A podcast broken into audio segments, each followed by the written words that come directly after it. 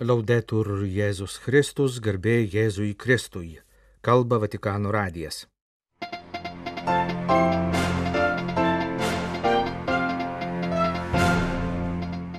Popiežius ketvirtadienį telefonu kalbėjosi su Turkijos prezidentu. Sinodo dalyviai paskelbė laišką Dievo tautai. Klerikalizmas tai žaizda bažnyčios veide ir kančia Dievo tautai, sakė popiežius Sinodo laiško skelbimo proga. Sinodo dalyviai trečiadienio vakarą kalbėjo rožinį už taiką. Šį penktadienį popiežius paskelbė pasninko ir maldos dieną už taiką. Ukrainos graiko peigų katalikų vadovas paragino savo bažnyčios tikinčiuosius šią dieną karštai melstis už taiką Ukrainai, šventai žemė ir visam pasauliui. Popiežius pasveikino Italijos bažnyčios surenkto susitikimo migracijos klausimais dalyvius. Šventojo sosto spaudos salės direktorius Mateo Brūnį, atsakydamas į žurnalistų klausimus, patvirtino, kad ketvirtadienį popiežius telefonu kalbėjosi su Turkijos prezidentu. Galiu patvirtinti, kad šį rytą įvyko popiežiaus ir Turkijos prezidento Redžepo Taipo Erdoano pokalbis telefonu. Pastarojo prašymų kalbėtasi apie dramatišką padėtį Šventojoje žemėje, pranešė Šventojo sosto spaudos salės vadovas.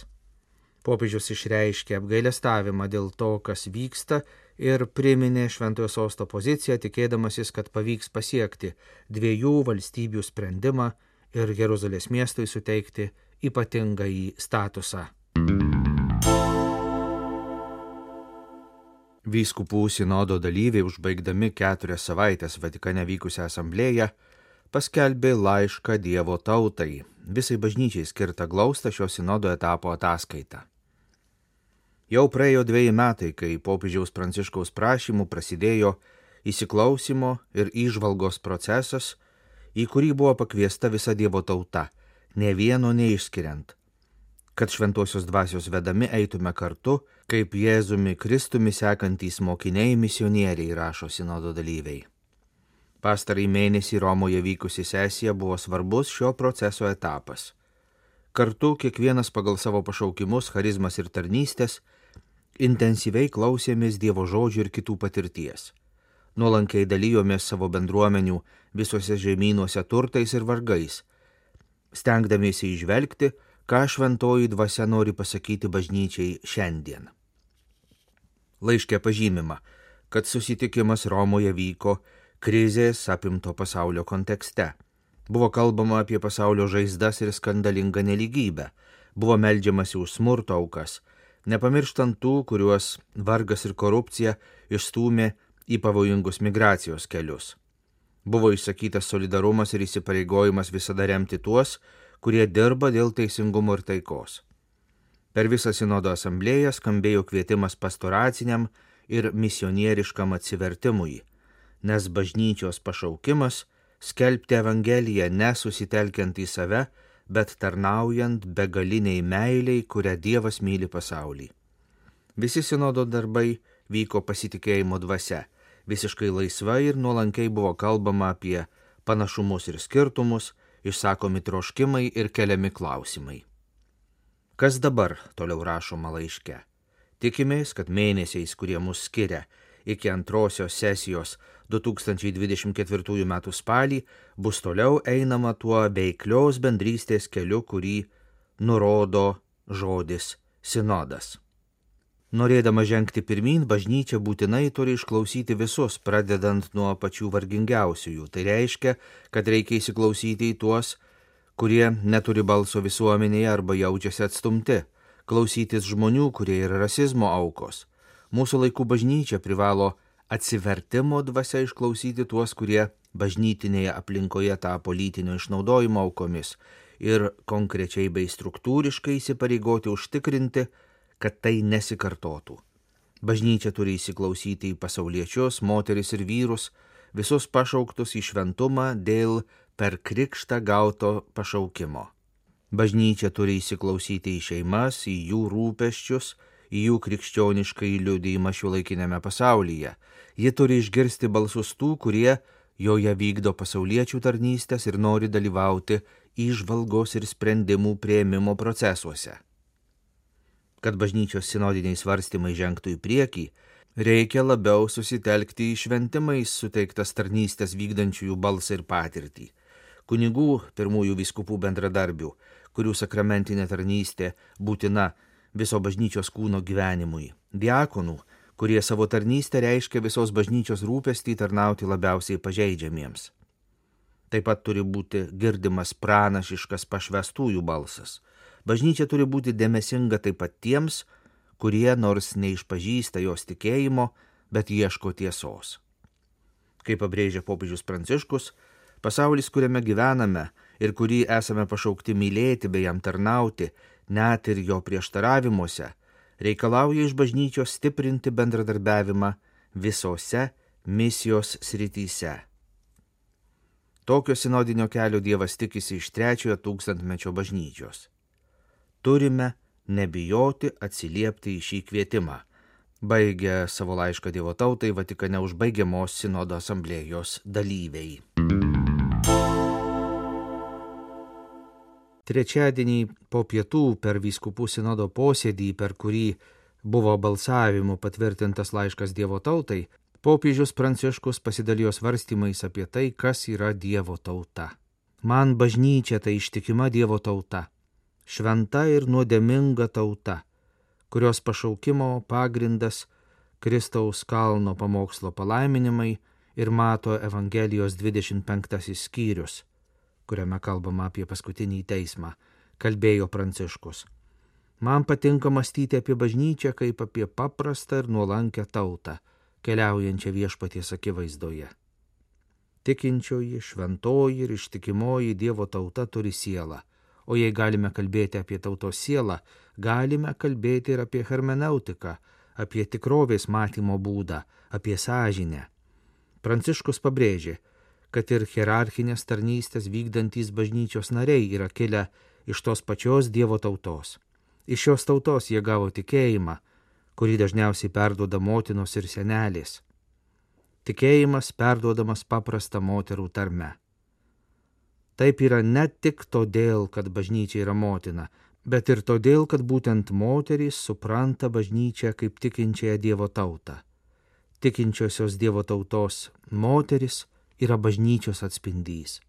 Bažnyčia yra moteris, yra nuotaka, yra motina kai tarnystės bažnyčioje vykdantys vyrai viršyje savo įgaliojimus ir netinkamai elgesi su Dievo tauta, jie savo maskulinistinę ir diktatorišką laikyseną žaidžia bažnyčios veidą.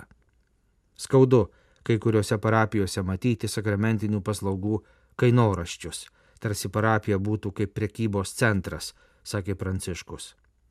Jei bažnyčia nesugeba būti šventa ir nuodėminga keliaujančia Dievo tauta, ji tampa tik paslaugas teikiančią įmonę. Tai didžioji nelaimė, į kurią veda klerikalizmas. Tai kelia liūdėsi ir papiktinimą.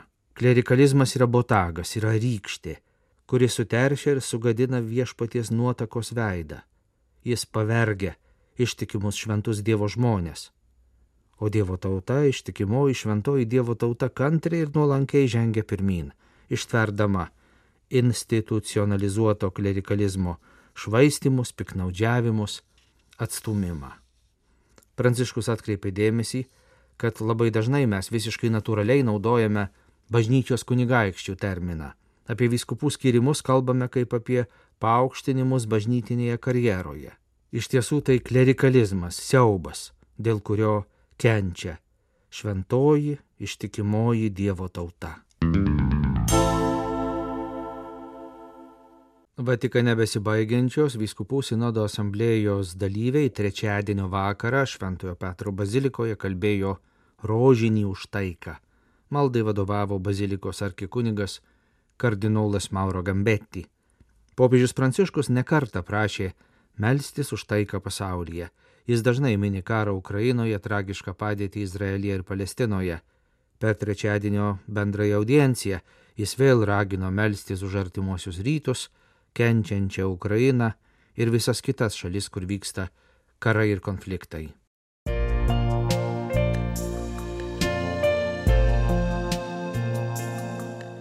Jūs klausotės Vatikano radio. Tęsėme žinių laidą lietuvių kalba.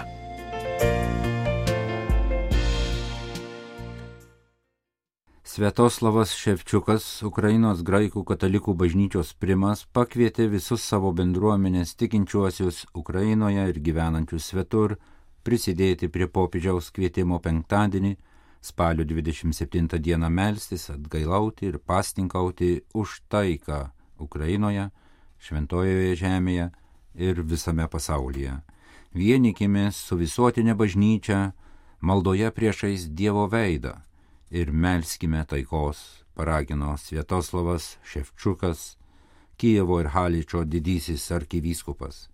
Melskimės už taiką, kad joks nusikaltelis negalėtų išplėsti karo pasauliniu mastu ir visoje žmonijoje. Kas savaitę skelbiamame kreipimėsi Ukrainos graikų katalikų bažnyčios galva ir tėvas apžvelgė situaciją savo tėvynėje, sukankant 88-ąjai agresyvaus Rusijos karo prieš Ukrainą savaitai. Didysis arkivyskupas padėkojo tarptautinėms institucijoms, kurios dokumentuoja rusų vykdomus karo nusikaltimus Ukrainoje, pažymėdamas, kad anot tarptautinės dingusių asmenų komisijos, kaupinčios žinias apie dėl karų gamtos ir žmogaus sukeltų katastrofų žuvusius asmenys duomenų, Ukrainoje nuo karo pradžios žuvo 30 tūkstančių civilių gyventojų. Pasak ganytojo tai žada atimantys skaičiai, ypač prisiminus, kad suskaičiuotos civilių žūtys, apie kurias turima patikimų žinių. Svietoslavas Ševčiukas, kuris šiuo metu dalyvauja Romoje vykstančiame sinode, savo kas savaitinėje žinioje paminėjo šventojoje žemėje besivystantį konfliktą, patikindamas, kad sinodo tėvai su skausmu klausėsi apie šimtus gazos ruožė žuvusių žmonių, tarp kurių taikus civiliai ir vietos krikščionys. Graikų katalikų bažnyčiai Ukrainoje ir kitur vadovaujantis Svietoslavas Ševčiukas pažymėjo, kad šiandien visi karo naštos ir vargo prispausti ukrainiečiai klausia savęs, iš kur semtis jėgų toliau gyventi, kovoti ir laimėti. Anot jo, į šį klausimą turime atsakyti, kad mūsų stiprybė glūdi Dieve, mūsų viešpats, trejybės Dievas, dovanoja mums gyvybę, yra mūsų egzistencijos žemėje ir amžinybėje šaltinis kai priimame Dievą į savo širdį, jo amžinai tekantis rovė pulsuoja mūsų tautos kūne, suteikdama jėgos atnaujinti mūsų žmogiškas pastangas psalmės žodžiais, kad būtume jauni ir stiprūs lyg erelis. Štai kodėl taip svarbu šiais dramatiškais Ukrainos ir pasaulio istorijos laikais gyventi Dieve, ir būti pasirengusiais kiekvieną dieną atsistoti prieš jo šventąjį veidą.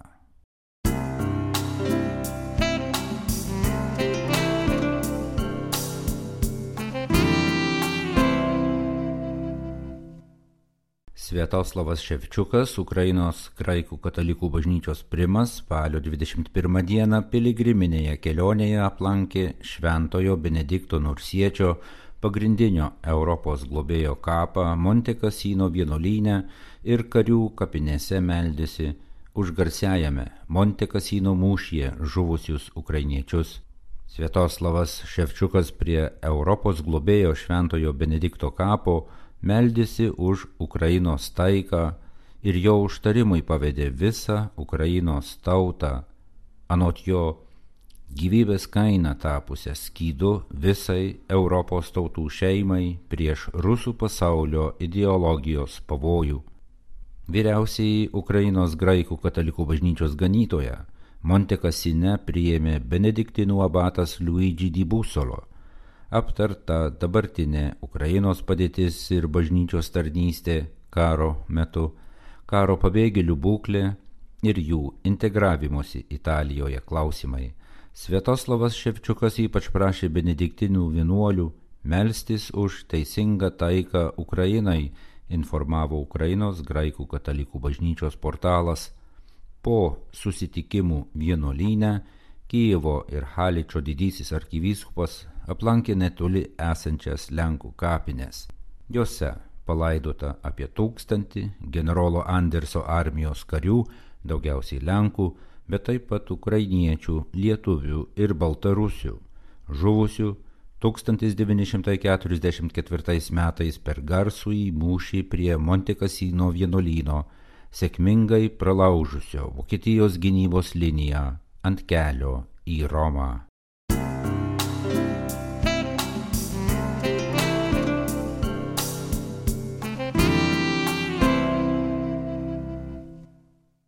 Spalio 25-28 dienomis 11 Šiaurės Italijos vietovių, įskaitant Boloniją, Modeną ir Ferrarą, vyksta socialinis festivalis apie migraciją, surinktas jau aštuntą kartą. Festivalį pasveikino popiežius Pranciškus. Kaip nurodoma festivalio apie migraciją interneto svetainėje, tarp jo organizatorių ir rėmėjų yra valstybinių ir katalikiškų universitetų, savivaldybių, asociacijų, finansinių institucijų įskaitant Italijos viskupų konferencijos fondą migrantų silovadai - Migrantas. Festivalio tikslas - kalbėti, diskutuoti, analizuoti ir pristatyti įvairius migracijos aspektus, o programoje numatyti susitikimai mokyklose, kino sensai bei parodos. Šiemetinė festivalio tema perfrazuoja 2023 popiežiaus Pranciškaus žinę pasauliniai migrantų ir pabėgėlių dienai - laisvi išvykti, laisvi likti Šias dvi tos pačios teisės pusės pabrėžia ir popiežius Pranciškus savo sveikinimo žiniuje festivalio dalyviams. Migracija yra sudėtingas daugiapusis globalus ir ilgalaikis reiškinys. Tad ir atsakas į šį reiškinį tai gali būti toks pat globalus, ilgalaikis ir daugiapusis. Visada dėmesio migracijos politikos ir migracijos programų centre reikia išlaikyti žmogaus orumą žmogaus orumo ir jo neliečiamumo principo pirmumas apima ir pirmumą prieš nacionalinius sumetimus. O Jėzaus Kristaus Evangelija, primena popiežius, perspėja apie pasaulio logiką, kuri savo arba savo grupės naudą linksta iškelti į pirmą vietą. Tuo tarpu krikščionių šūkis paskutiniai yra pirmieji. Mums reikia legalią ir saugią migraciją užtikrinančios politikos, nepaliekančios migrantų ir jų spanionių nusikaltėlių tiklams, pažymė popiežius Pranciškus.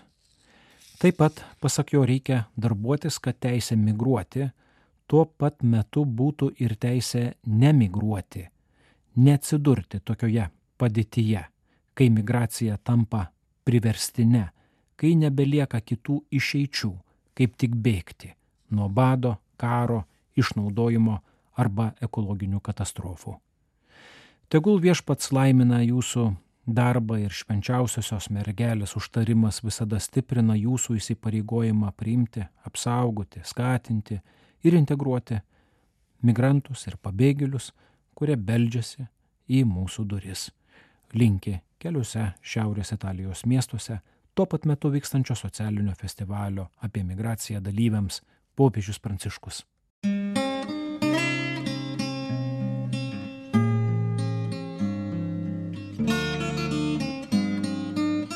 Kalba Vatikanų radijas. Laidą lietuvių kalba baigėme. Garbėjai Jėzui Kristui, laudetur Jėzus Kristus.